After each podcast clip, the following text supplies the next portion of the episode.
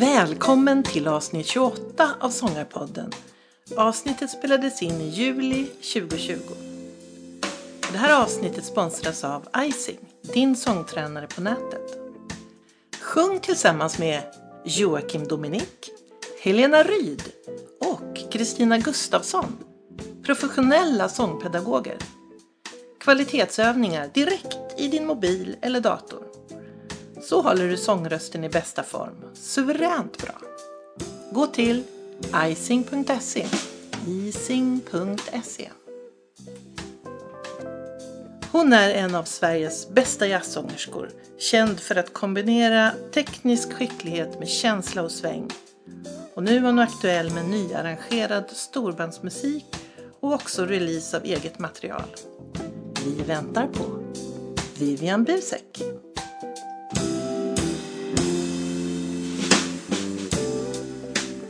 Välkommen till Sångarpodden. Vivian Busek. Tack, hej! Jätteroligt. Och jag har kommit till Malmö där vi är. Välkommen till Malmö. Tack så mycket. Vi är jättefina lokaler. Det är Folkuniversitetet. Ja, Folkuniversitetet där jag ibland har eh, elever. då och då. Eh, Men också brukar jag ha en, sommarkurs som jag faktiskt ska ha nu Just i det. augusti också. Och det kan vi avslöja för jag var med förra året. det, var, ju kul. jätteroligt. Mm, hoppas du tyckte det. Ja men det kan jag tipsa om för att det, man tvekar. Det, det är ju masterclass och då känner man lite så här, åh vem är jag? Ska jag liksom kunna Just komma det. på något sånt? Men Vem är det som kommer? Kommer de att- Ja. Ja, sådär. Man jämför sig. Men du kan ju berätta om upplägget. Fyra? Är det fyra år också? Upplägget är tre, fyra vuxna precis, människor som, som är någorlunda erfarna av att sjunga jazz och gärna kanske också erfarna av att sjunga med något komp och har liksom i alla fall någon gång stått på någon scen eller sådär. Som vill jobba upp lite mm, lite med hur det är att man, hur man tänker kring improvisation, hur man tänker kring artisteri, scennärvaro, med eh, hur man tänker när man ska stå och sjunga med ett band, kanske som man aldrig har sjungit med förut. Lite sådana där läskiga saker som... Ja. men jag tyckte också det var jätteläskigt i början när jag började sjunga. Helt plötsligt. Min pappa han sparkade alltid upp mig på scenen på jam, jam sessions. Upp och sjung med dig! Men vad ska jag sjunga? Jag vet inte vad jag ska sjunga. Vad som helst, du kan ju massa med låtar, bara sjung. Säg titeln och säg liksom tonarten så blir det bra. Ja men, det här med att liksom lita på sina medmusikanter, det är en, en stor grej. I, inom jazzen i alla fall. För det Ja, är så improviserat hela tiden. Ja. Så man vet inte vad som ska hända. Men jag tycker att det är, det, det är ganska mycket som läggs på en sångare. Jag tänker om du är en instrumentalist så kan du haka på men som sångare så förväntas du vara den som vet. Ja, typ så här, vilken tonart du har. Det kanske du inte riktigt Nej. har koll på. Och sen ska du också vara den som räknar in och du ska ha liksom du ska ha koll, koll helt enkelt. Då har du faktiskt rätt i. Som instrumentalist kanske det är lättare att bara haka på. Till exempel på en jam-situation menar Ja, du? Mm, men, det, men det blir ju så mycket, man hängs ju ut så mycket om det blir fel. Mm. Därför att det, allting, vi, har ju, vi är ju lite mer em, fasta i vissa regler, Mm. vi sångare. För att vi har ju olika röster. Vi är inte saxofon som kan spela i alla möjliga tonarter. Nej. Utan vi måste få sjunga i vår tonart. Mm. Sen har vi orden i vägen som kanske inte alls blir så bra texttolkning om man tar en låt i fel tempo. Då kan man ju bli vansinnig på bara det. Liksom. Eller om man inte känner sig bekväm med något tempo. Man, ja, men det är lite mer... eh, Vi är, li, vi är nog lite mer inlåsta, lite mer fyrkantiga är vi. Ja. Än resten av musikanterna. och det är ofta så här man möts av någon irritation. Jaha, ska vi ta det här tonarten? Ja. liksom, det var ju jobbigt. Så ska man då hålla reda på att för trumpetare till exempel är det en hopplös tonart. Det ska jag veta som inte spelar trumpet. Eller jag ska veta att för gitarrerna blir det här lite bökigt. Att ta, ja sådär.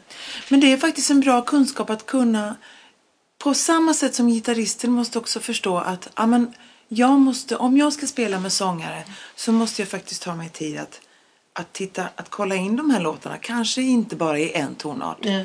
Och det, jag menar, det utvecklar ju en gitarrist som musiker också. Absolut. Så att det, det är på bägge hållen. Man måste förstå. Man måste, alltså en sångare måste ju få jobba med instrumentalister som förstår att det finns ord som gärna också kanske ska ha lite koll på vad det är för ord i en låt. Så att man kan bygga upp en stämning kring det när man ackompanjerar. Vad, innebär, vad innebär det att, vara, att spela med en sång? Hur är det att liksom, så att man sätter sig in i en annans instrumentalist situation på scen? Då blir man ju det är den bästa kombon av en kvartett till exempel. Så För då är ju det lättare om man har en, en, alltså så, folk som man brukar sjunga med. Men just i de här jam-situationerna kan jag tycka att det är Ja, det är lite det är så här snabbt och man ska upp och så, alltså det, det finns inte tid att skapa Nej. den där förståelsen. Nej. Det här, ja, Men den- Precis, men den förståelsen kan, ju, den kan man ju ha övat upp så att man snabbt kan plocka fram den. Och, och göra det bästa av situationen. För jag menar jam, ett, jam, ett jazzjam är ju inte... Ja, det blir vad det blir liksom. Det är ju inte som man har tänkt sig att det ska Nej. bli. Och vi har ju ofta lite för, förutsägbara tankar om hur det ska bli, vi, vi sångare. Vi vill ju gärna liksom att, nej men så här har jag tänkt sjunga den och så här ska det bli. Nej, men det kanske det inte blir. Och då får man inte lov att bli besviken. Och den erfarenheten gör att man blir starkare som sångare och mer trygg. Och inte bankar på sig själv och slår på sig själv och liksom går hem och Åh nej, åh det lät för hemskt och hur ska det tänkt, åh nu satt de och de och lyssnade. Skit i det, bara gå vidare och så gör man det igen. Alltså. Det är det, det är det improvisationsmusiken handlar om. Ja, just det. Fast nu, jazzen har ju blivit så pass akademisk nu. Jag menar jazzen kommer ju från ett håll verkligen man stod på gatan och spelade. Det var ju ingen, ingen skola kring det utan det har ju blivit det har blivit väldigt akademiskt. Så nu, nu ska ju alla läsa noter och alla ska kunna spela i alla tonarter och alla ska kunna i, ja, du vet, mycket not, notberoende liksom. Och, ja, Och skalor. och skalor. Hur man kan göra. Ja. Jag är nog lite mm, 50-50 faktiskt. Jag är nog väldigt gehörsbaserad sångare. Jag, jag är glad att jag kan teorin. Därför att jag, jag kan alltid sätta mig... Jag gillar ju att relatera till... Du vet, vissa sångare som inte har, har koll på, på teorin och kanske kan spela något instrument. De, om de ska lära sig en låt så kanske de hör en version av, vad vet jag, Nancy Wilson. Och så eller Sarah Vaughan. Och så lyssnar de på den versionen. Eh, och så kopierar de det. Men den versionen som Sarah Vaughan sjunger, det kanske inte riktigt är låten egentligen som den är. Utan då har hon twistat till den lite melodin. Och man kan inte riktigt lita på alltid på att det är så. Den enda skulle jag nog kunna säga man kan lita på när det gäller att få en ärlig melodi från första början, det är nog faktiskt Ella. Ella var väldigt noga med det. Hon presenterar alltid temat sådär. Just det. Som det var, Ja. i alla fall de flesta fallen. Och sen så gjorde hon om det. Ja, det gjorde hon verkligen. Ja. Så, och, då, och då tycker jag om att liksom kunna ta fram en not. Vad är det för melodi? Vad är det för ackord? Hur, hur är den här låten uppbyggd? Jag är, väldigt, jag är lite beroende av det där. Men om jag inte hade kunnat teoretiska då kanske jag hade, ja då hade det blivit som Ja. så. Lika bra kanske, Ja. fast ja. Man är lite, men jag gillar nog att lära mig på örat. Men också ha en, någon slags facit framför mig så att jag kan följa. För det kan man ju se med till exempel Ella. Att Mm. Hon var ju fantastisk på att improvisera. Men hon gjorde ju också. Till slut hade hon mejslat ut Ja. improvisationer som sen har blivit nästan en etablerad Precis. melodi. Eller vad man ska säga. Exakt. Som folk också lär sig. Ja. Hon var ju väldigt tydlig i sina improvisationer. Och att någon linje har hon säkert haft. Precis, och hon har ju sjungit samma låt säkert en miljon gånger. Så, Just att, det. så att det blir ju, men det är ju hennes språk. Då hon, det, är ju, det är ju som alla instrumentalister som improviserar. Man hör ju liksom olika så här, gånger och licks som man brukar säga. Just det. ah, men nu kom det där igen. Ja, men det är lite typiskt för den och den personen. Just. För, han, för det kommer lite, Ja. det repeteras och det återkommer samma tonspråk liksom. Just det. Så jag tycker inte det är något fel i det. Men om jag får en ny låt och jag märker att det är lite... Till exempel, på fredag så ska jag sjunga på Ystad jazzfestival. Och då ska jag vara med i en Charlie Parker-hyllning. För han, det firas ju 100, 100-årsjubileum. Och då ska jag sjunga en låt som heter Yardbird Suite.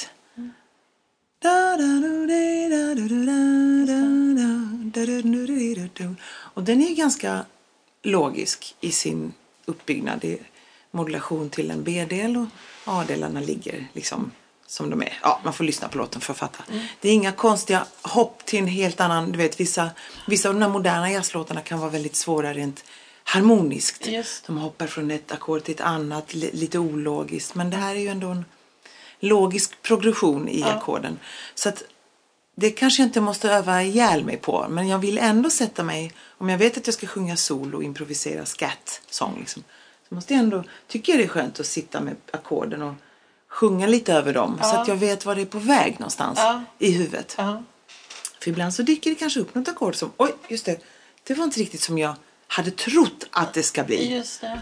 Och, och det är klart, jag skulle ju kunna sjunga vad som helst. Men jag tycker att om man nu ska ge sig in i improvisation och scattsång och försöka improvisera som en instrumentalist. Då, då får du ju vara på riktigt liksom. Alltså då måste du ju vara lika bra som en saxofonist. Ja. Då kan man inte hålla på och bluffa och göra hur som helst. Det tycker inte jag. Jag vet inte, jag är nog lite ortodox där. Men kanske någon annan skulle säga, ja men inga toner är fel toner. Ja fast, ja. Det beror lite på vad man lägger dem och hur man trycker på dem. Vissa toner kan ju vara fel i ackordet men att man gör en grej av dem. Just det. Och då är de rätt liksom. Då blir det en, en grej. Då blir det liksom ah, lite atonal. eh, Mm, ja, att man drar lite i och det blir lite kärvt och sådär. Och Det är ju coolt. Men, men det måste finnas en liten... Men de kanske ska vara tänkta. Ja, men lite, eller i alla fall i stunden att man känner att ah, okej, nu blir det fel i huvudet men jag gör en grej av det istället. Så att, det, det. så att det inte kanske det märks eller Ja. hörs att oj, nu är hon ute och cyklar. Men om det är svår låt med harmonier, absolut. Ja, men som jag sa innan, jag gillar att sitta...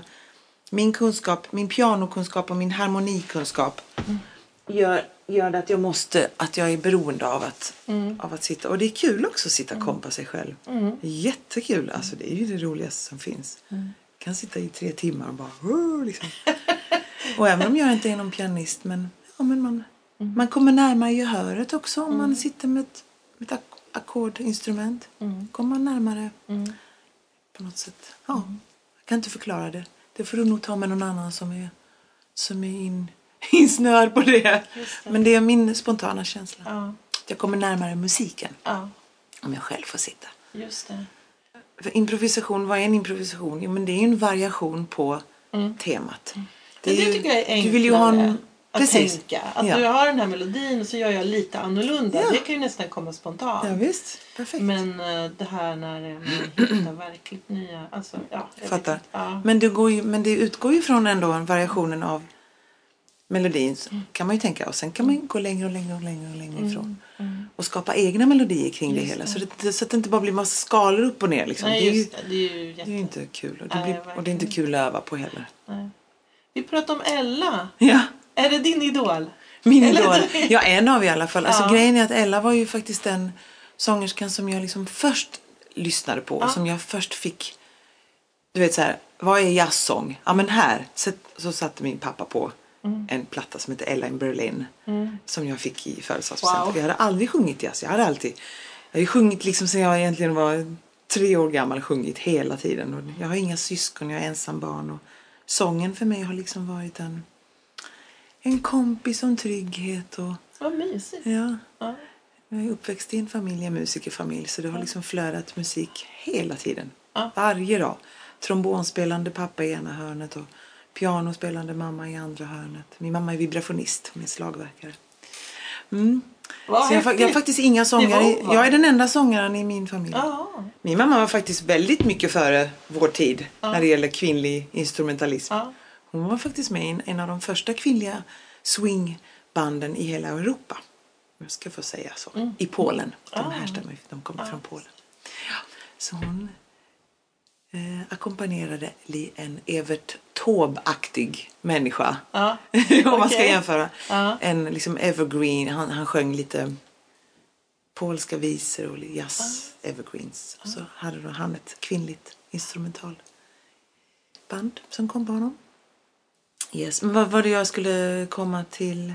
Just det, Ella, precis.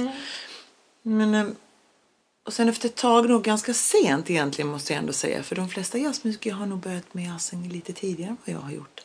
Jag var inne på Michael Jackson och Stevie Wonder och Mariah Carey och sjöng mycket. Så det, det är ju min första musik. Om man säger så. så. Jazzen är ju svår att greppa. Kanske när man är sex bast. Vad är det här?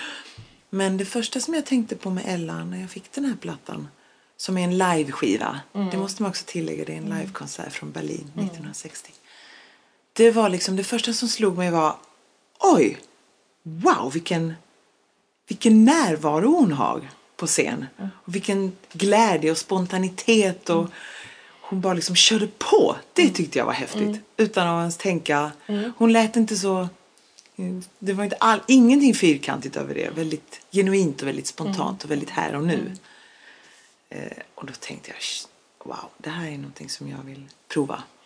Det här känns som, som jag liksom. Ja, så, så, så.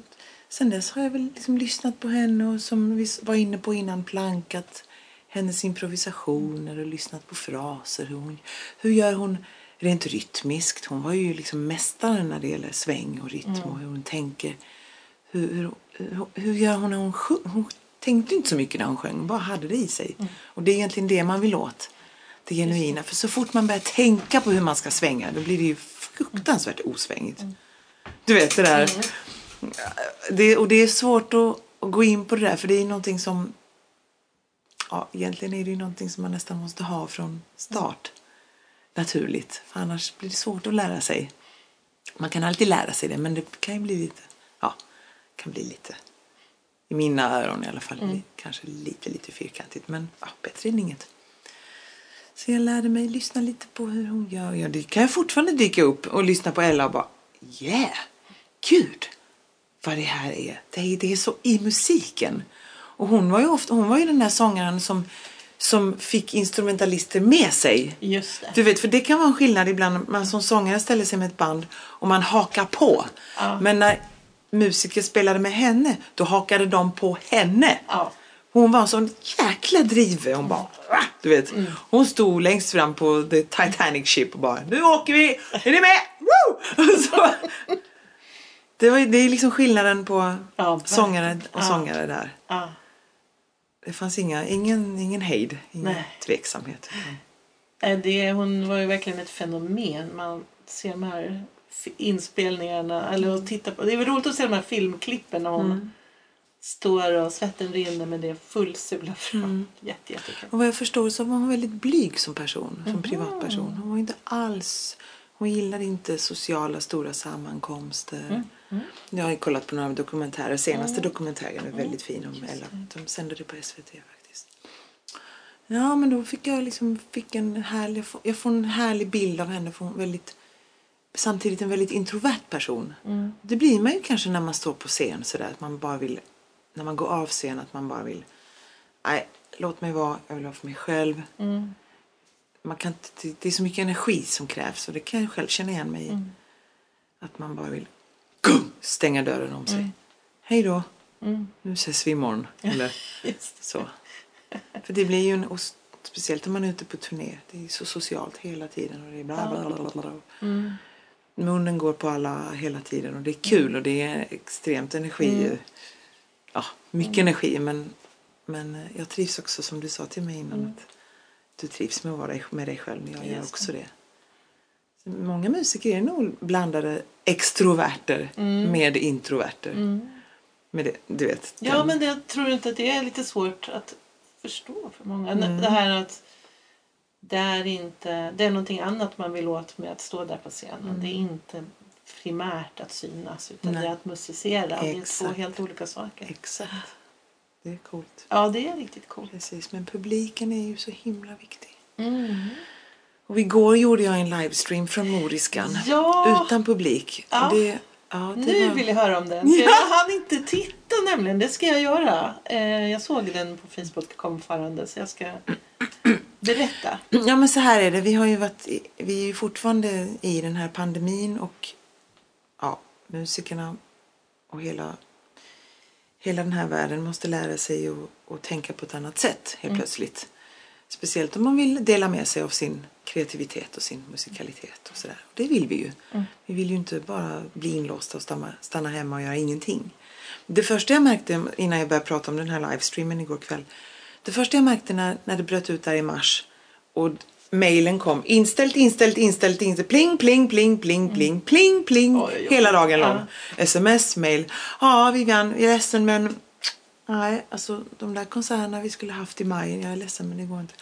Eller i april. Ja, nej, men ingenting förvånade mig för att jag var ju väldigt beredd på det här. Liksom, att så här kommer det vara nu.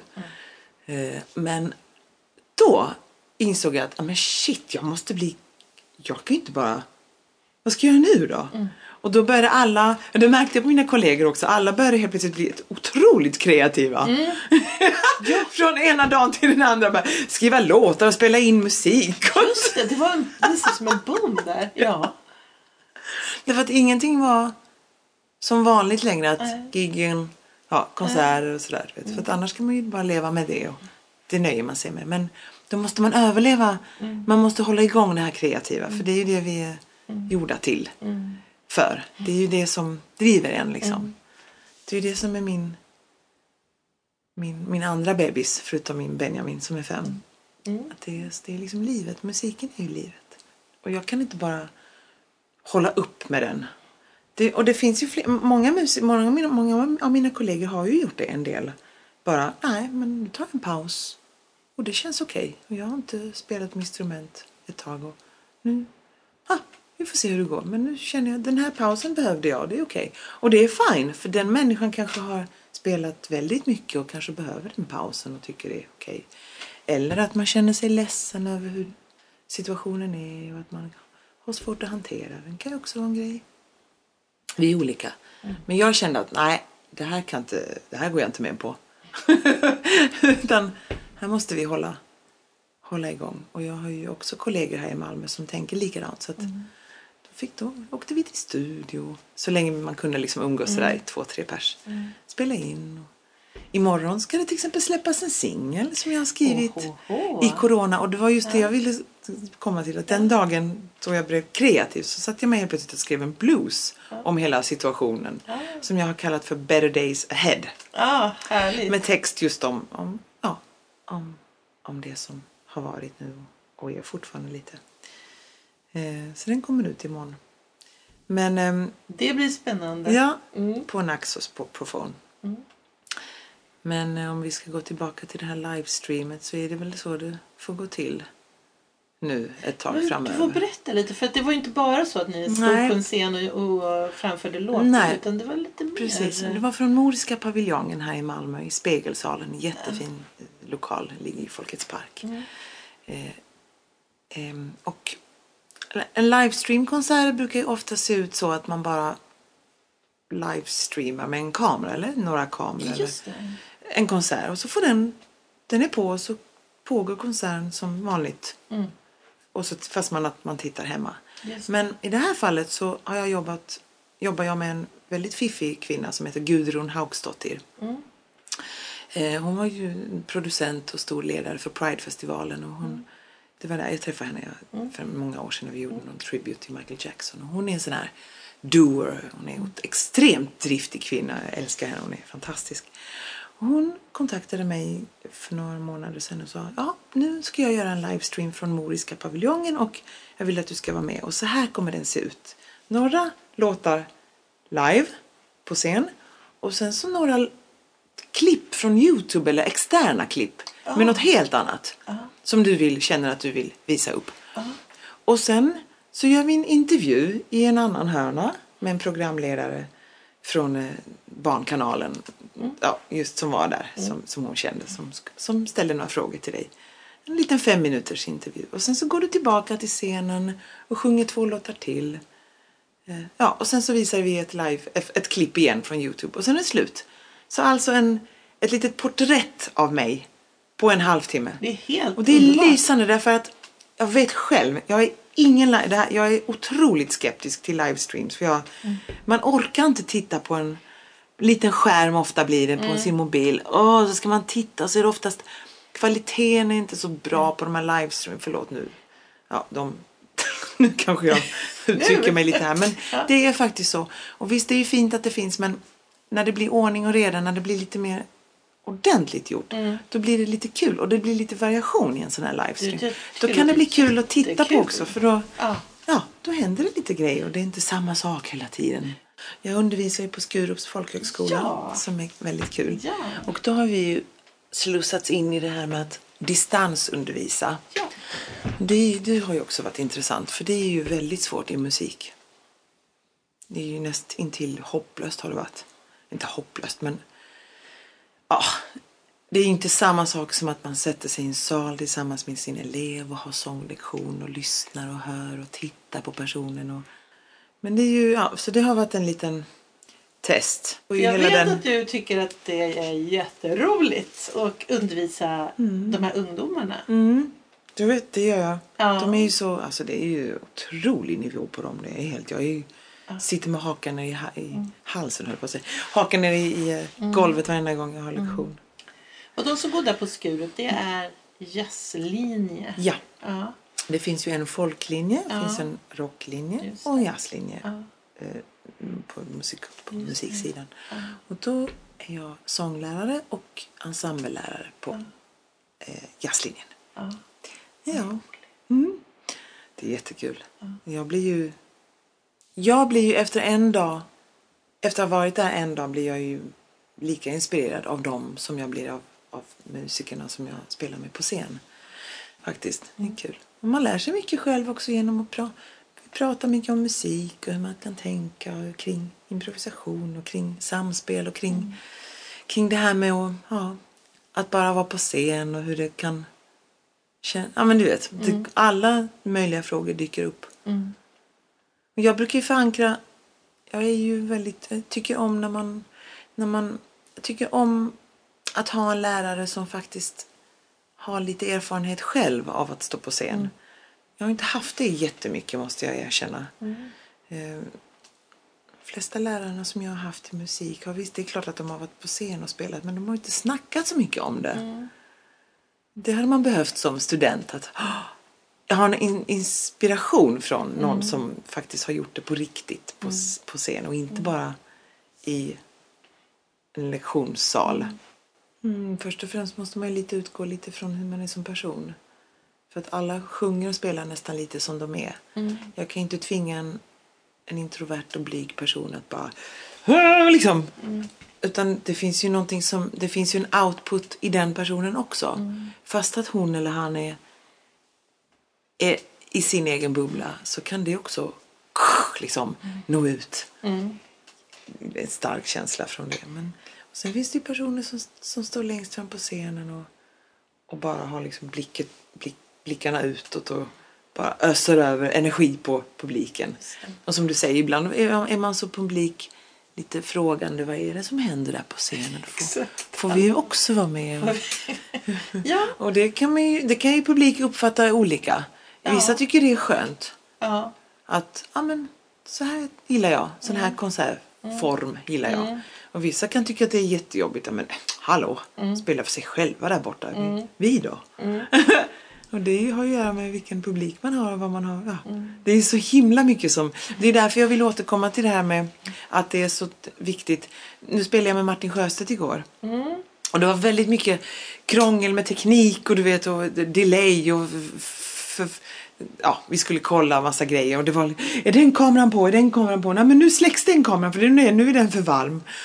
Nu, får, nu har ni tre minuter på er per låt och så sa Martin efter den här livestreamen att ja, det sista man tänker på här nu är att spela musik.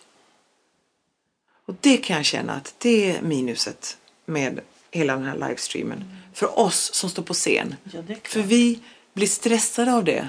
Av att det trycks på rec. För i vanliga fall går man till en konsert. Man gör konserten. Tack, hej, nu går vi vidare.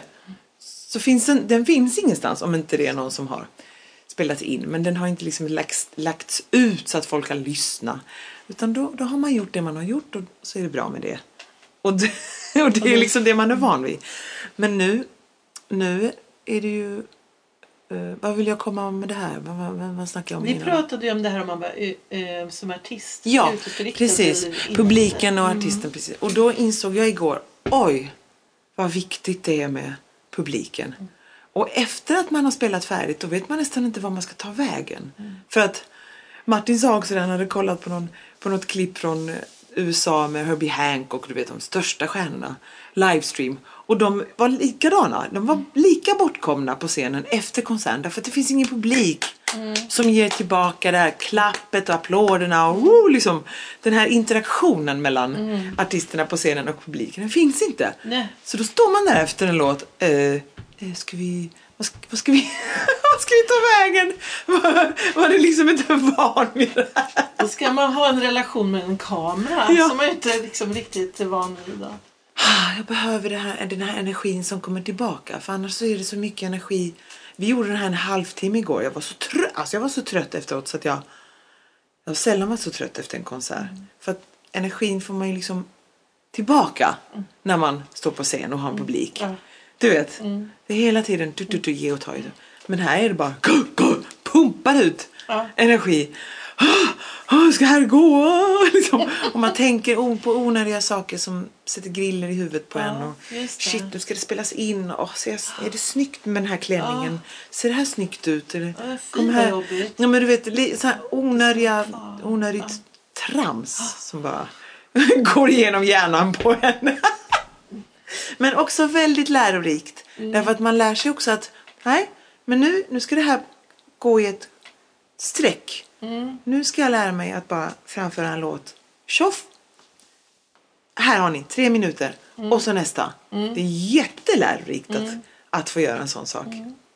Ja, Det fick jag nog faktiskt lära mig de första åren när jag uppträdde. Då, då jag liksom inte fick ha en hel egen konsert i mitt eget Mm. namn. Då man blev lite så under armen. Claes Just Krona tog med mig så här. Vill du vara med på en julkonsert? Det var ju faktiskt han som Ja, Tack vare honom. Det måste jag ändå säga här i podden. Claes, jag älskar dig. Tack snälla, snälla för allting. Nej, men för han har verkligen tagit mig. Vi träffades här i Malmö på, på kallbadhuset när han spelade med Putte Wickman. ja, vad häftigt. Så var det en annan eh, gubbe som heter Bosse Jonsson här i, i Malmö som, som liksom samlade, samlade ihop många musiker. Ja. Så sa han så här, men jag tycker du ska gå ner till kallbadhuset och, och hälsa på Claes. Fråga om du får sjunga en låt. Va? Men jag känner inte honom. Ah, Putte Wickman och God! Nej, det kan jag inte göra. Nej, men då, då, då blir det inget. Det är, klart, du måste, det är så det går till. Du måste göra så. Min pappa också som var ganska pushy. Som gick. Nu gör du det här! så jag ringde Claes. Hej Claes, det är Vivian. Jag heter Vivian, sångerska här från Malmö. Eh, ja, jag tänkte... Ja, egentligen vet jag inte om jag... Det är Bosse, jag skyller på honom. Det är Bosse som vill att jag ska komma och sjunga en låt med dig. Men det skulle vara jättekul om jag fick. Och Claes är ju så välkomnande och väldigt gentlemanlig. Och, men det är klart att du kan få komma och sjunga. Så träffade jag Claes och då tog han med mig sen på, på en massa så här, samlingsjulkonserter. Alla stora stjärnor var med. Barbara Hendricks kom jag ihåg var med. Och Real Group var med. Och, och så lilla jag. Och då, och då var det den grejen att ut och sjung två, tre låtar. Sen får du inte mer. Nej, Och då måste jag liksom visa upp mig, om man säger så. På de tre låtarna. Jag måste visa vad jag kan. Vad är det jag är bra på? Vad vill jag? Om det ska bli någonting av det här liksom, så måste jag visa Och publiken. då går det inte att misslyckas. Nej, alltså misslyckas. Men då får man inte den här långa eh, startsträckan på sig och värma upp på första låten och så två set och så. Du vet, som en vanlig konsert Mm. kan se ut. Utan då var det bara pang på, pang på rödbetan. Vad först- modigt. Ja men det var lite, det var faktiskt mod. Det krävdes Ja. mod. För då kände jag, nej men nu måste jag, nu är det bara att göra det här. Ja. Och, då, och då fick jag faktiskt en läxa av att ha stått på scen och gjort de här jam session väldigt mycket. Mm. Att, att eh, uppträda på, gå på jam och, och figurera på en scen med folk som man aldrig hade spelat med. Att kunna ta sig igenom en sån situation utan att bli livrädd och få liksom rampfeber. Så det, det gav mig faktiskt mycket. Så jag kan, det är mitt tips till alla som vill börja sjunga, i alla fall improviserad musik. Att upp och sjung, jamma så mycket som möjligt. Lär dig låtar, massa låtar. Jättemycket låtar. Så man har liksom en, ett bibliotek av, av olika typer av, av låtar som man bara kan spotta ut och öva på. Behöver inte vara svår, svåra låtar, det kan vara lätta, låtar. Jag, första gången jag hörde dig live var just med Klas Krona. Va? Ja. Var det? Mm, var då någonstans? Ja, men det var, jag tror att det var, om jag minns rätt, så var det på en av de här båtarna. Ja, just det! Bli, eh, Blidö Blidö, kanske. ja. Jättefin Och- resa. Ja, eh, för jag brukar försöka gå några gånger sådär. Mm. Det är kul. Eh, och, då, ja, och Peter Asplund var Mm, med tror jag också. Och ni var ju så häftiga när ni... Ja, man hörde ju hur mycket ni Mm, det är kul med Peter. tillsammans. Vi Jätteroligt behöver att inte prata, men vissa människor klickar man bara med på Ja. scen. Sen man sjunger med. Så man, Mm. Men man behöver inte snacka så mycket om det. Nej. Utan det bara, ja, Det bara funkar. det bara funkar. Men det är ju roligt. Nej men han... Eh, Mm. Ja. Ja, Jättekul. men Claes är en sån där som... Han ligger ju alltid bakom. Han styr upp grejer och Ja. ligger ba- i bakgrunden och ser till så att alla känner sig trygga Ja. och säkra. Och, Fint. fin, ja, han är jättefin. Jag, oj, jag har så mycket att tacka honom för. Och ja, ibland så... Men ibland så kunde jag känna att ja, men han behöver också vara i rampljuset mer. Mm. Han har liksom som pianist och som han skulle också behöva det. har han ju varit. Men inte kanske som Janne Lundgren eller som han skulle nog behöva det. Mm. Det lilla. För han är fruktansvärt bra. Shit, en av världens svängigaste pianister. Mm. Och han är, ja han är, det är ingenting som hindrar honom. Den här pandemin, ja, vad, vad sa du? Vad, vad är det för någonting? Han, han, han vill inte, han vill inte ens veta av det. Nej, Mm. jag skojar bara. Klart han vill veta av det. Men han, det är ingenting som, som, som hindrar honom och som, Nej. som han känner, Mm. Som man blir nedtryckt av. Utan det är som det är. Vi får leva med det nu Mm. ett tag och sen så får vi hoppas på att, ja, att det blir som det var förut med en liten twist på det. Men kanske något bättre. Kanske något bättre. Ja. Mm. Hörru du, jag tänkte att du... Jag vill ju gärna höra om ett av dina senaste projekt. Just Som det. var A Woman's Voice. Mm. För det var lite speciellt Mm. ändå. Stor, stor produktion. Mm. Ja, berätta. Men det var ju lite läskigt apropå det här med att lära sig kunna läsa noter så behövde jag verkligen det Ja. där. Jag jobbar ju en del, eh, senaste åren förutom med Peter så har jag jobbat med en fantastisk musikant här i, i Sverige som heter Martin Sjöstedt. Mm. Och han är ju ett fullkomligt geni. Han spelar ju alla instrument och arrangerar och jag vet inte vad han inte kan. Mm. Men han är en väldigt uh, kär vän till mig och det var ju honom jag spelade med igår kväll också. Eh, och vi har ju spelat in ett antal skivor. Mm, två, två stycken innan Curiosity och min hyllning till Ella Fitzgerald 2017 som jag gjorde. Men ehm, så hörde Norrbotten Big Band av sig och ville göra ett projekt med mig och Martin. Martin som arrangör där han skulle skriva helt nyskrivna arr och jag skulle sjunga de här låtarna. Och då, eh, då skapades A Woman's Voice som det blev då. Eh, ehm, hur ska jag berätta det här? Det tar lite tid. Vänta.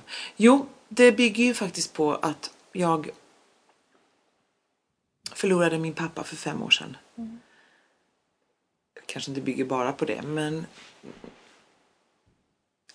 en ny, en ny väg i livet tog jag. Min, min son kom till livet när min pappa gick bort. Och jag kände liksom på en och samma dag att jag blev vuxen helt plötsligt. Och att jag, hela mitt liv förändrades musikaliskt, som kvinna, som människa, som liksom partner. Allt bara vroom, liksom, tog en ny vändning. Eh, musiken var inte längre i första hand. Jag var tvungen att backa från den. Min pappa var sjuk, jag har en, ett, ett nyfött barn. Eh, jag var tvungen att ta ansvar på ett annat vis. Jag var inte längre den lilla ensam eh, barns flickan som hade fokus hela tiden. Eh, ja, men du vet, många saker som förändrade mig som, som kvinna speciellt. Och jag tror att många kvinnor som kommer upp just i 40-årsåldern, det händer en del med oss. Tryggheten kommer, man skiter i småsaker. Det är inte så viktigt längre om, ah, men det blev inte av. Nej, men spelar ingen roll. Man blir mycket, mycket tryggare. Eh, och det kanske kommer lite för sent. Känner jag. I alla fall i min generation. Jag vet inte, kidsen, tjejerna i min i, i, i, i 20-årsåldern nu, de ver- verkar så otroligt självsäkra. Men det kanske bara är en ytlig grej. Eller också är det en selektion in där till det. Ja. Som har anledning att vara Ja, men de är mycket mer kaxiga och mycket mer... Ja, jag kan det här, titta på mig. Vi 70-talister är inte så. Vi är lite mer... Nej, men är det här verkligen bra? Alla musikaliska beslut har jag inte alltid varit nöjd med. Och det, nu känns de trygga. Jag känner mig trygg i mig själv. Som mamma, som kvinna, som, som, som musiker, som sångerska. Och det bygger hela projektet på. Jag har valt låtar med texter som knyter an till detta. Gamla låtar som jag har sjungit sen innan, även nya låtar.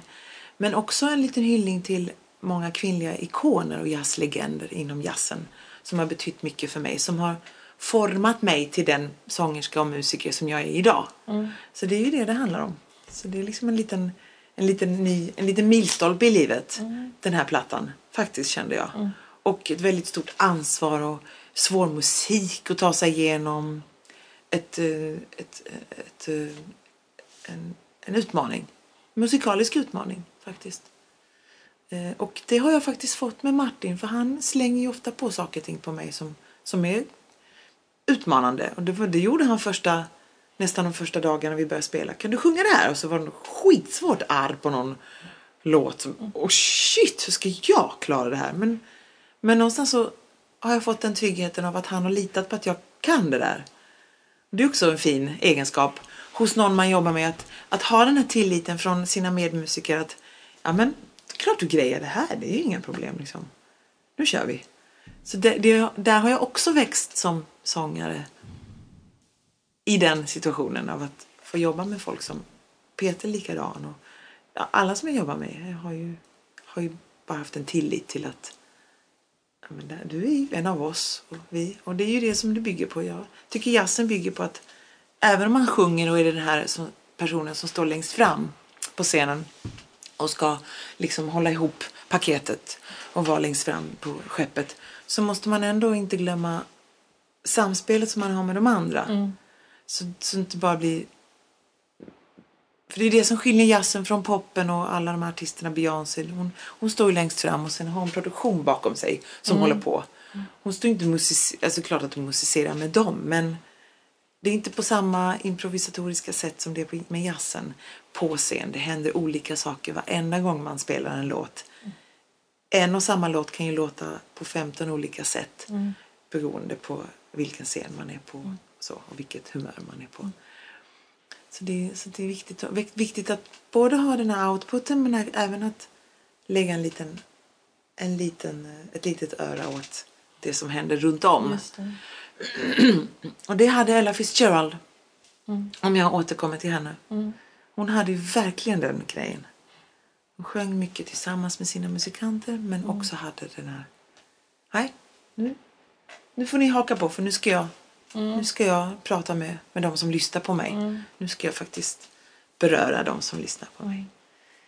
Så det gillar jag. Så det hela det bygger på ja, Woman's Voice. Det blir, och det blev ju till slut en skiva för vi skulle bara spela in eh, ja, vi skulle spela in och se hur det blev. Det var ju inte... Ja. Det var inte För det blir ju... Ja, det vet man ju aldrig hur det Nej, ska bli liksom, nej. när man spelar in. Men det blev ju bra. Ja, verkligen.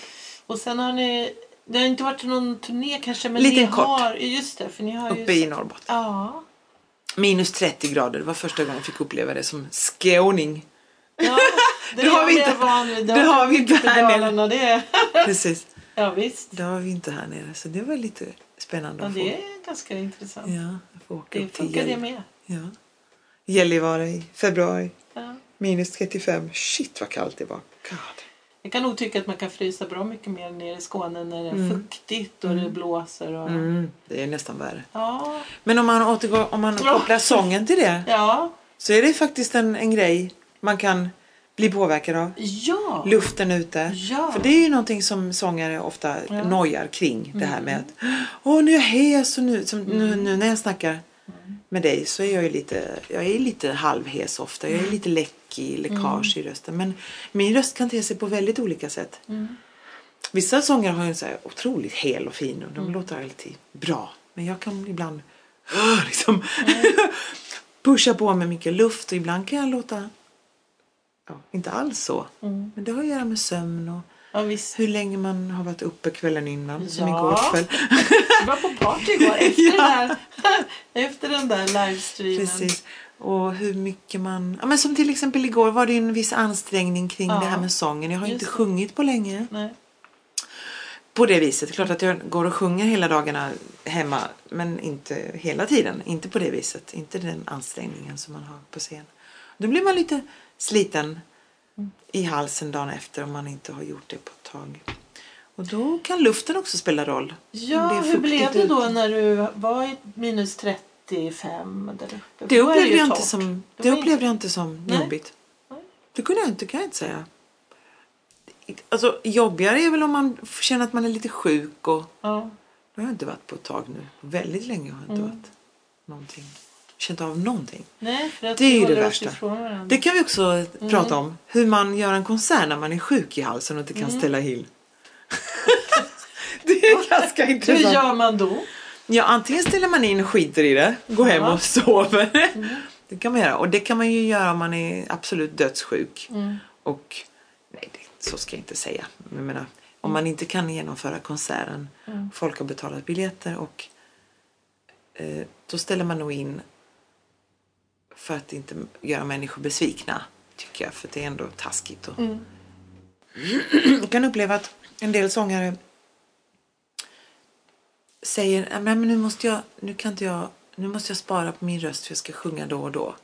Fast spara på sin röst vet jag inte riktigt om det är en bra idé att kalla det för därför att rösten är ju en muskel vi har. Vi måste ju använda den för att det ska bli bra liksom.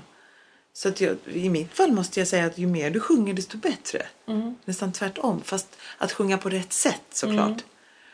Att man håller igång hela tiden men man kanske inte skriker hela tiden. Alltså, Mm. Men att vara tyst, ja, det kanske jag skulle rekommendera någon som är sjuk. Mm. Som har en allvarlig ja, åkomma med stämbanden. Då kanske man ska vila rösten helt och hållet. Men att sjunga tror jag nog man inte blir dålig av. Tvärtom, att snacka mycket. Mm. Snacka mycket kan ju vara Just lite det. påtagligt för. Just det. Det är då luften kommer. Som nu när vi pratar. Ja.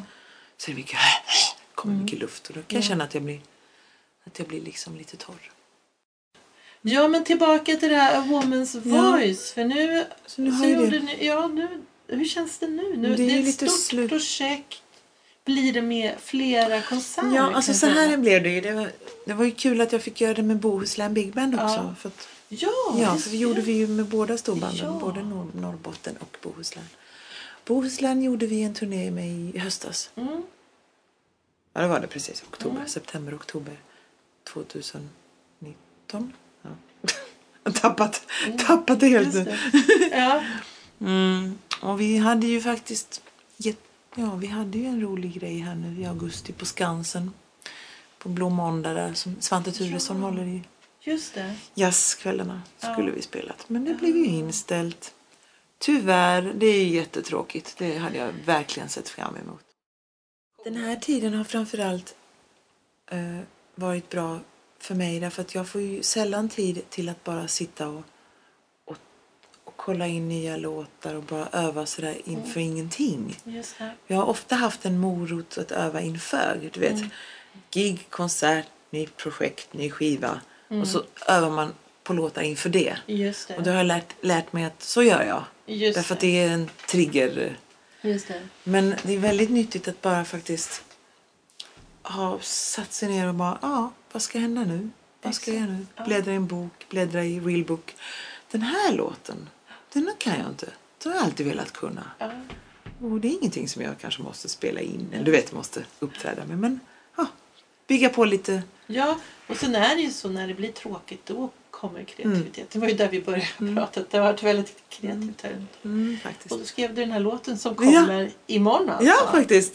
Gud, Det kan man få lyssna på. Ja. Och det är lite rolig sättning för det är utan ackord. Det är bara bas, saxofon och jag. Ah. Mm, intimt. Ja. Ja. Då är det jag och så är det en fantastisk saxofonist som vi har här i landet som heter Carl Martin Almqvist. Ja. Och en Malmöbaserad basist som heter Jonny Åman som egentligen är från Österbotten i Som jag träffade Jakobstad. Mm, Mm. Som kompare. Han spelar ju med nästan alla runt om i hela världen. Han är Ja. väldigt, väldigt, väldigt välanlitad. Carl Martin spelar ju i Danmarks Radio Big Band. Ja. Och de har ju, danskarna har ju uppträtt för 500 pers. Så Mm. där är läget lite annorlunda. Ja, för du, egentligen är det ju så här, du som bor i Malmö har ju en jättehärlig region. Mm. Det tycker jag också. Som ju, det blir ju inte bara Sverige, det blir visst, precis. Och sen vet jag att du spelar en hel del i Polen också. Mm. Ibland. Hel del och Eller, hel del, ja.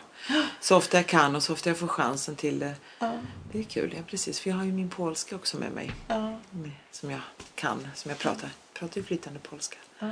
Men jag är ju född och uppvuxen i Sverige så egentligen är polskan har du fått... någon slags bi... Men det är väldigt, jag vet inte, jag skulle nog...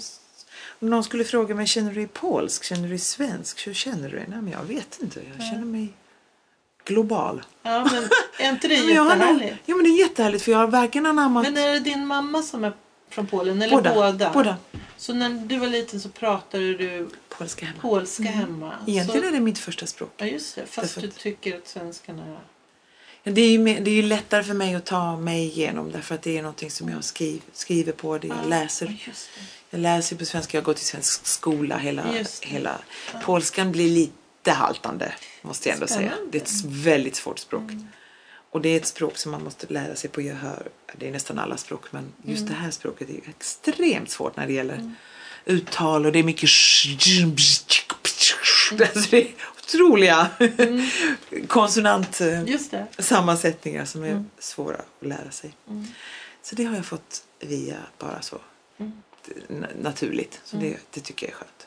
Men då kan jag åka till Polen och faktiskt prata polska med musiker och med, med folk. Och det, inte alla i Polen kan ju engelska som här i Sverige. Det är inte helt självklart. Inte än i alla fall. Mm. Den yngre generationen kan. Men ja, man spela ibland på jazzklubbar och festivaler och ja, Mm. träffa, träffa andra musikanter. Vad kul, för att det är lite, lite ovanligt. Det är ju det som är så kul att, att den här musiken som, som jag håller på med, jazzen, det är ju, det är ju, den har ju ett globalt enhetligt språk. Mm. Spelar ingen roll, jag har varit i Chile och spelat med jazzmusiker där. Och det är inga konstigheter, jag behöver inte kunna spanska för att, för att kommunicera med dem. Vi har ju samma bibliotek av musik och vi har lyssnat på samma grejer och du vet, man har samma referenser. Mm. Man behöver inte ens kunna snacka, man behöver inte ens alls kunna tala samma språk. För att man talar ju samma språk, man tar ju musiken som, Mm. som, så att man kan ju komma till en helt ny kultur och bara klara sig genom Ja, men det är Musik. lite speciellt. Det är häftigt. Jag tänkte också på när du pratade om Beyoncé för att Jazzen går ändå lite åt det hållet nu. Mhm. Man tänker väldigt mycket produktion kring Mm. jazzframträdande. Mm. Många gör det. Mm. Tänker lite pop, poptänk. Okej. Faktiskt. Speciellt de Men som tänker spelar du in... att, att jazzen, alltså att det... Mm. Jag menar att man gör någon slags lite crossover. Ja, just det. du vet att man blandar in li- lite andra toner och tonspråk och Mm. genrer in i jazzen. Som gör, att en, som gör till exempel att en skiva blir mer Ja, kanske kommersiell? Ja, inte bara kommersiell men att det låter lite mer tight. Mm. Att, det, att det inte låter så skitigt och improviserat som det kan göra på ett jazzjam. Mm. Utan man tänker mer kring låtarnas uppbyggnad. Kring kanske att de är lite kortare. Mm. Att de inte är så långa. Eh, man kanske tänker på olika instrument som man lägger på. Mm. Som man inte kan utföra live. Mm. Till exempel om pianisten spelar piano så lägger man på ett Rhodes eller en orgel på. Mm. Det är kanske ibland svårt att få till live. Det. Och det blir i sin... Det blir ju en produktionstänk liksom. Det blir producerat på, på en sån platta. Faktiskt. Och egentligen är ju en storbandsplatta lite åt det hållet. Ja. Jag kan, jag kan tycka att den... Man kallar ju storbandsproduktioner säger man. Mm. Faktiskt. Därför att det är liksom ett, ett paket Mm. med färdig... Ett arr är ju en produktion. Min sambo Johan han jobbar mycket i studion. När han skriver en låt då blir det ju... Då producerar han låten samtidigt. Där han spelar in i olika instrument, hittar ljud. Det blir liksom en produktion direkt. Och så har vi inte... Det bygger ju inte jazztraditionen på från första början. Till exempel om du tar en människa som Gregory Porter. Mm. Han är, har ju lite åt det hållet på sina plattor om man lyssnar på hans skivor. Mm. De, är väldigt, de är väldigt öppna och jazziga och mycket kring melodi. Mycket, mycket, mycket har fokus på melodin. Men, eller melodin är liksom stommen i, i hela helheten. Men allt runt omkring är väldigt väl uttänkt. Mm. För mig ligger det naturligt med, med att tänka på produktion därför att jag tycker, jag har ju båda delarna. Jag har både sjungit jättemycket rock och Mm. funk och soul och det var liksom, det är egentligen det som jag har gjort mest innan jazzen. Så att det ligger mig väldigt nära hjärtat och jag har inga problem med, med, med det tänket kring produktion och jazz. Men jag gillar också det här nakna Ja, där det bara får lov att ja, bli som det blir. just det. Så jag har nog både, jag kan nog ha ena foten i den världen och den andra foten. Jag kan relatera till bägge världar och sammanföra dem. Och det tycker jag är en intressant fusion av två olika världar. ja, absolut. Det tycker jag är kul. Hur du, jag tänkte att jag skulle fråga dig. Jag har en annan passion och det är ridning. Och där är det sådär, även de som rider OS har ju sina tränare. Och de tränarna kan inte rida på samma nivå som de här ryttarna. Men de är ändå tränare, tittar, kommenterar, liksom driver ut ryttarens utveckling. Då tänker jag när man är sångerska på din nivå, vad har, hur hittar du liksom någon som Vad gör du när du säger nu behöver jag inspiration här, nu vill jag utvecklas. Kan du söka någon coach? Faktum är att jag har faktiskt tänkt på det här precis det du säger nu. För jag har ingenting. Och jag kan känna att jag kan stå och stampa på samma ställe nu. De senaste, även om jag har utvecklats väldigt mycket. Alltså jag har ju utvecklats genom att jobba med andra musiker. Som har gett mig det som jag pratade om Just innan. det. Som har gett mig utmaningar. Men det är ju på ett musikaliskt plan. Men rent sång. Någonstans hör det lite ihop kanske. Ändå. Men rent, du menar liksom rent sångmässigt. Som en sångare Ja, som men skulle jag kunna... tänker att det beror ju jag har på. faktiskt Men- ingen sån. Nej. jag skulle gärna vilja hitta någon Ja. som gav mig lite... Man får nog det hitta bara någon Mm. som man gillar. Alltså man måste ju hitta, man måste hitta rätt person också som man kan gå till. Eller olika personer. Mm. Man kan ju till exempel om man vet att en artist, eh, en skitbra sångerska från eh, USA kommer Mm. hit och sjunger. Just det. Deb- Deborah Brown, hon var ju här och Mm. sjöng i Stockholms konsert. Så jag kontaktade henne och frågade kan du ge mig liksom en, en lektion. Men nu sa hon, nu hade hon inte tid och hon Mm. sa nej, hon skulle tillbaka. Men en sån grej kan man göra. Till exempel kontakta någon som är i landet. Ja. Shit, jag skulle vilja träffa henne och Ja. ja, eller honom Ja. Som är sångare. Så det kan man göra. Sen kan man ju hitta en som man kontinuerligt går till. ja. Hörru du. Nu Ja, har vi det. kommit fram till Ja. så här det härliga ögonblicket när du ska få dela med dig av något tips. Jaha. Ja, tänkte jag. ja. Jag tycker egentligen att du har gett jättebra tips redan. Jag har ju faktiskt vävt in lite Ja, här. det har du. Eh, Jag tänker på det här att det här modiga. Mm, det. Att vara modig är ett tips. Ja, den här Försöka. typen när du liksom... Någon säger ja, men jag tycker du ska gå och sjunga. Då när eh, Karlskrona kom första Ja. Och då gjorde du det. Ja, Det där precis. tror jag, om jag, jag skulle nog kanske inte ha gjort det. Nej, för jag skulle tyckt att fy vad pinsamt. Och Just det. vem tror jag att jag är? Och. Precis. Eh, men att kanske kasta de känslorna över bord och Ja. faktiskt gå och göra. Just det. Mm. Precis. I alla fall för någon, någon som vill starta och sjunga och som vill komma in i, Ja, i, i världen och vill Ja. liksom träffa nya musikanter. Det är nog det enda sättet att gå på. Ja. Gå den vägen. För annars så fastnar man lite med sina musiker som han har, som han har spelat med i en viss Mm. stad. Man måste ta sig och ta kontakt. Och idag är det så lätt med alla sociala medier. Mm. Herregud, alltså idag är det ju, det är ju piece of cake. Mm. Jämfört med när jag startade. Då fanns det ju inga. Man var ju tvungen att, hej hej, lyfta på telefonen och ja, jag heter Vivian, får jag komma och sjunga? det är ju Ja. jättejobbigt. ja, Det är ju mycket lättare idag att skriva en rad. Liksom. ja. Ehm, men så det är mitt tips, att våga, att ta sig, att, att, att våga och banka sig själv lite på, på bröstet och, och tycka att man är bra faktiskt. ja. Eh, och sen så om man vill ett tips är också som min pappa till exempel gav mig bra tips. Han var ju trombonist. Han, det var egentligen han som lärde mig sjunga från starten. Han gav ju mig jättebra tips. Och han, han gav mig en ärlig bild av, bild av världen som musiker. Han sa till mig att Vivian, om du ska hålla på med det här då kan inte du det kan inte konkurrera med något annat. Du kan inte jobba med något annat. Bara så du vet, liksom, om det ska bli bra. Just Du måste det. hålla på med det här. Ja. Alltså du måste öva hjärnet om det ska bli bra. För det här är ingen musik man bara liksom bluffar sig igenom. Utan det här är liksom, på riktigt. Ta det på allvar om du nu vill hålla på med det. Älskar du det här? Tycker du det är kul? Ja. Och alltid känna den glädjen inför. För först tyckte jag det var jobbigt. Oh shit vad många timmar jag måste lägga ner på det här nu. Tänker jag. Han byggde upp en sån svart moln framför mig. Men han byggde också upp en ärlig bild av hur det såg ut. Men han la också till att glädjen är lika viktig. Den längtan efter att få stå på scen och få, få lov att musicera med andra. Det är som en drog. Längtar jag tills nästa gång jag ska stå på scen.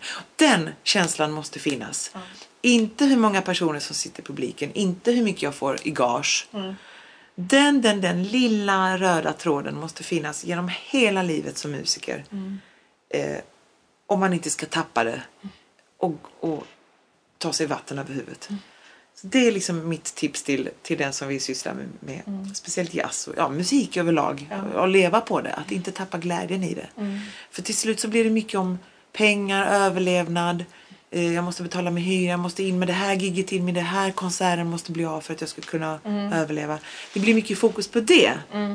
Istället för att faktiskt fokusera på varför började jag med musiken överhuvudtaget från första början. Hela tiden så, du, du, hallå, påminna sig själv om, vänta nu här, stopp. Trycka på bromsen.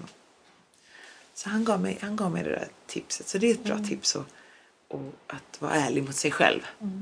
Och att ge det tid och att inte ha bråttom. Jazzen är ju så himla fin musikstil att man kan få bli gammal i den. Och ju äldre man blir desto bättre blir man. Och det finns ingen ålders, den är helt tidlös. Tänk så många jazzmusiker som är 20 år som kan samspela med en som är 80.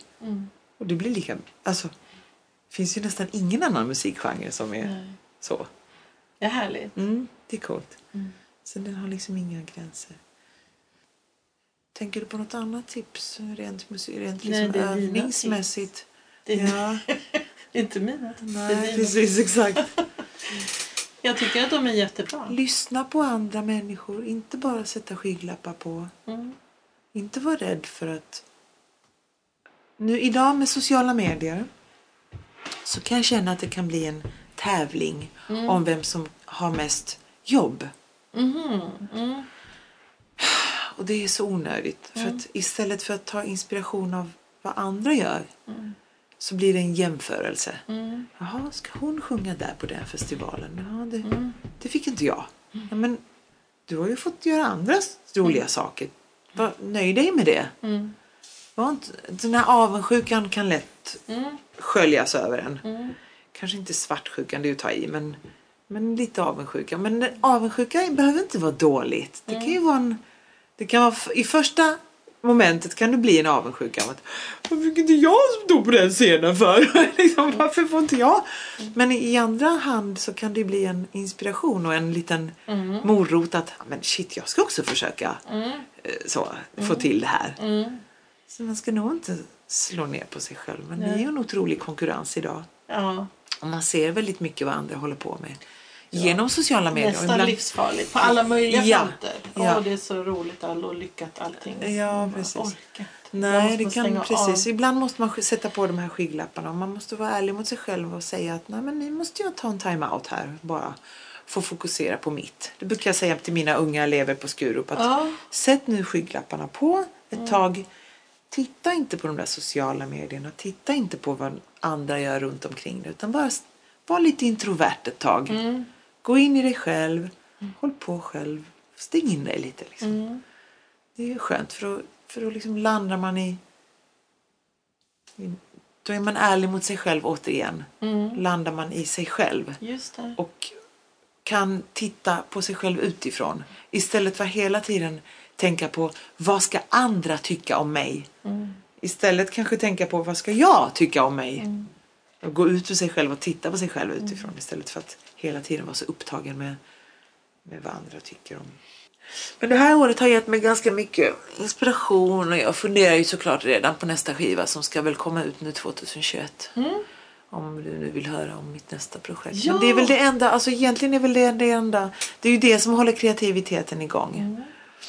Som, du vet man börjar titta efter låtar och skriva låtar, nya låtar. Hur man kan kanske tänka på vem man vill spela med och vem man Ja men du vet, nya musikanter och... Ja. Så nu har jag tänkt att jag skulle göra ett projekt som involverar lite olika människor från olika länder. Mm. Jag har med... Martin är ju lite en vapendragare som jag gärna vill ha med för att han är så kul att jobba med och han är ett bra bollplank och han arrangerar så fint. Och, Mm. ja, han är liksom... Han har blivit min vän, musikaliska liksom, Mm, trygghet. Ja. Sådär. Och jag hoppas att han eh, tycker också det om mig. Han, han spelar ju med allt och alla. Men, men någonstans har vi hittat en gemensam. Vi är lika gamla och vi kommer från samma sätt att lyssna. Samma musik som jag har lyssnat på. Och lite, ja, jag har upptäckt det. Men det är kul när man får, får Mm. jobba med en person som, som man klickar med på en Mm. gång. Liksom. Och, Men när du tänker, säger musiker från olika länder, vad tänker ja, du också tänker rent kanske Dan, musikaliskt då? ja, Danmark. Ja. Eh, eh, jag spelar med en basist som heter Jesper Bodilsen Mm. i Danmark som är otroligt bra. Han, honom tänkte jag ha med. Alltså, trummor vet jag inte om jag ska ha någon. Det får vi se. Jag måste fundera lite på det. Men Mm. framför allt så... Ja, lite danska musiker kanske. Någon Mm. kanske från Polen. Får Mm. ta med mina egna rötter. Mm. Och sen så ska jag eh, faktiskt få med mig en, en världsstjärna som heter Seamus Blake. En, Mm. en saxofonist från, eh, från Kanada som slog igenom i, i New York. Mm. Med, han har ju varit liksom topp top, eh, saxofonist i hela världen på väldigt länge. Då. Han är i 50-årsåldern. Och, och eh, just nu befinner han sig med sin familj i Vancouver men i vanliga fall så är han i Europa. Och han är ju en sån där inspiratör för Mm. unga musiker. Han ger clinics och workshops och åker omkring och gästar med olika Mm. band i olika länder.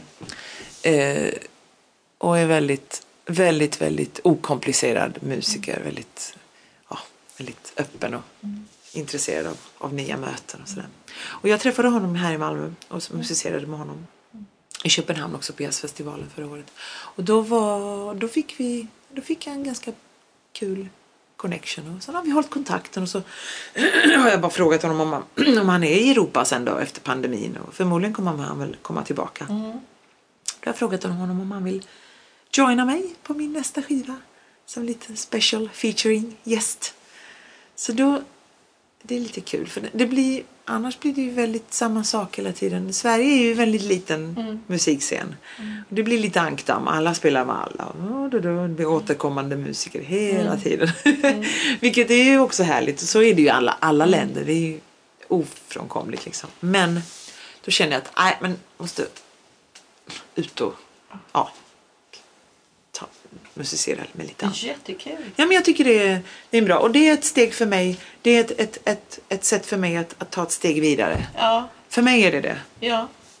Att, att, att visa. Men det är ju jättebra.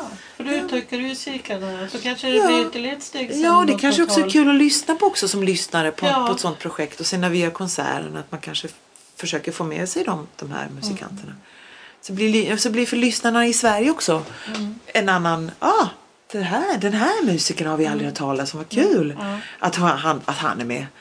Jag har ju liksom oftast fokuserat på standardrepertoaren i jazzen. Jag är ju uppväxt med den och den är ju liksom min bibel på något sätt. Men jag gillar ju också standardlåtar som är lite ovanliga, som är skrivna av lite modernare instrumentalister. Så det är inte bara The American Songbook utan jag, sjunger, jag gillar ju att sjunga lite andra låtar också som, som liksom är instrumentalskrivna från början som har fått en text tillsatt Ja, i efterhand. Det finns ju sådana också. Eller bara sjunga instrumentalt, det är också Ja, kul. ja. Jag gillar ju hela den där kombinationen av att vara sångare. Jazzmusiken tillför ju det att man får vara sångare både med ord, Mm. framför en känsla med, med ord och tolka text. Men jag gillar också att gå in i instrumentalrollen. Mm. Att kunna faktiskt få ta del av ett band. Just det. Det var det jag fick med Norrbotten Big Band och det Mm. projektet. Martin skrev ju arrangemang på det viset. att Jag fick liksom både agera som sångare med text men även vara med och sjunga lite, instru- lite instrumentalistiska partier här och där. Ja, det, var, det var därför det var en utmaning för det var ju Mm. inte lätta saker. Så det gillar jag hela den. Det är därför jag håller på med jazz. Det är här och nu, det är frihet och det är otrolig närvaro liksom i det man gör här och nu på scen. Freedom! ja, men det är det. Det är en otrolig frihet. Lojalitet, tillit, mod. Mm. Det är liksom det som jazzen handlar om.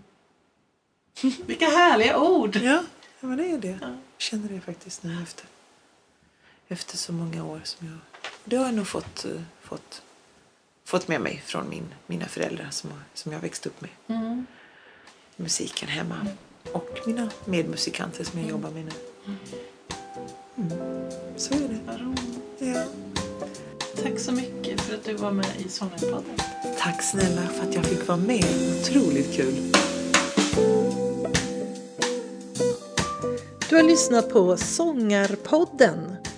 Vill du ha mer information eller få länkar till artister med mera så gå då till vår egen webbplats www.sangarpodden.se Du som är sångare och tycker att det är svårt att hålla igång din sångröst.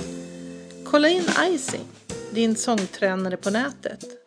Gå in på www.icing.se ising.se så får du veta mera. Vi hörs!